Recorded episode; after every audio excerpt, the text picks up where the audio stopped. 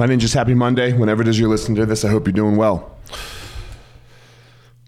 Yo, consistency, improvement. We all, every, everyone wants that, right? And uh, the problem is, for example, when you're a kid and, and I get to watch my kids, you know, my, my oldest is struggling with this a little bit right now.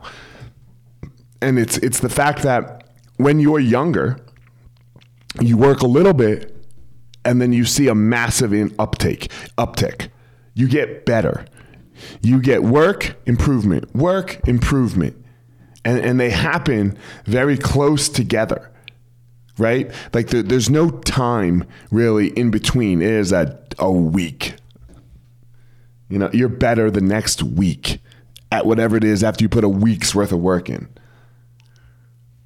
Well, that's not the case as we age. You have to put years of work in. And do you have the discipline to do that? Because you have to think how many years of work you already have in. Like, for example, let's say, let's use jujitsu, for example. You have been doing jujitsu for uh, a day, and now you come every day for a month.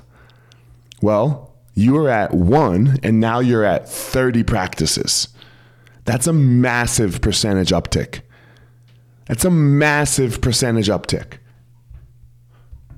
But now let's say you've been doing jujitsu every day for seven years. And let's just, so that's, let's just use easy numbers 300 days a year. Okay. So seven years, 300 days, 2,100 days. And now you put another month's worth of work in. That's 30. That's 30 out of 2,100.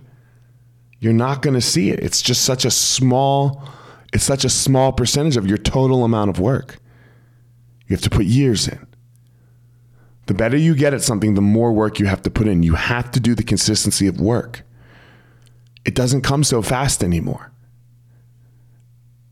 Your growth won't be so immediate anymore. Can you work for four years? Can you work for five years? Can you work for a decade? And if you do a little more work for a decade than everyone else, now you're going to get there. Now you're going to see that now you're going to see that improvement over a long period of time. The short time's gone. The short time's gone unless you're new. It's easy to be new. Be an OG. Discover your passion, find your power. Go give your purpose to the world.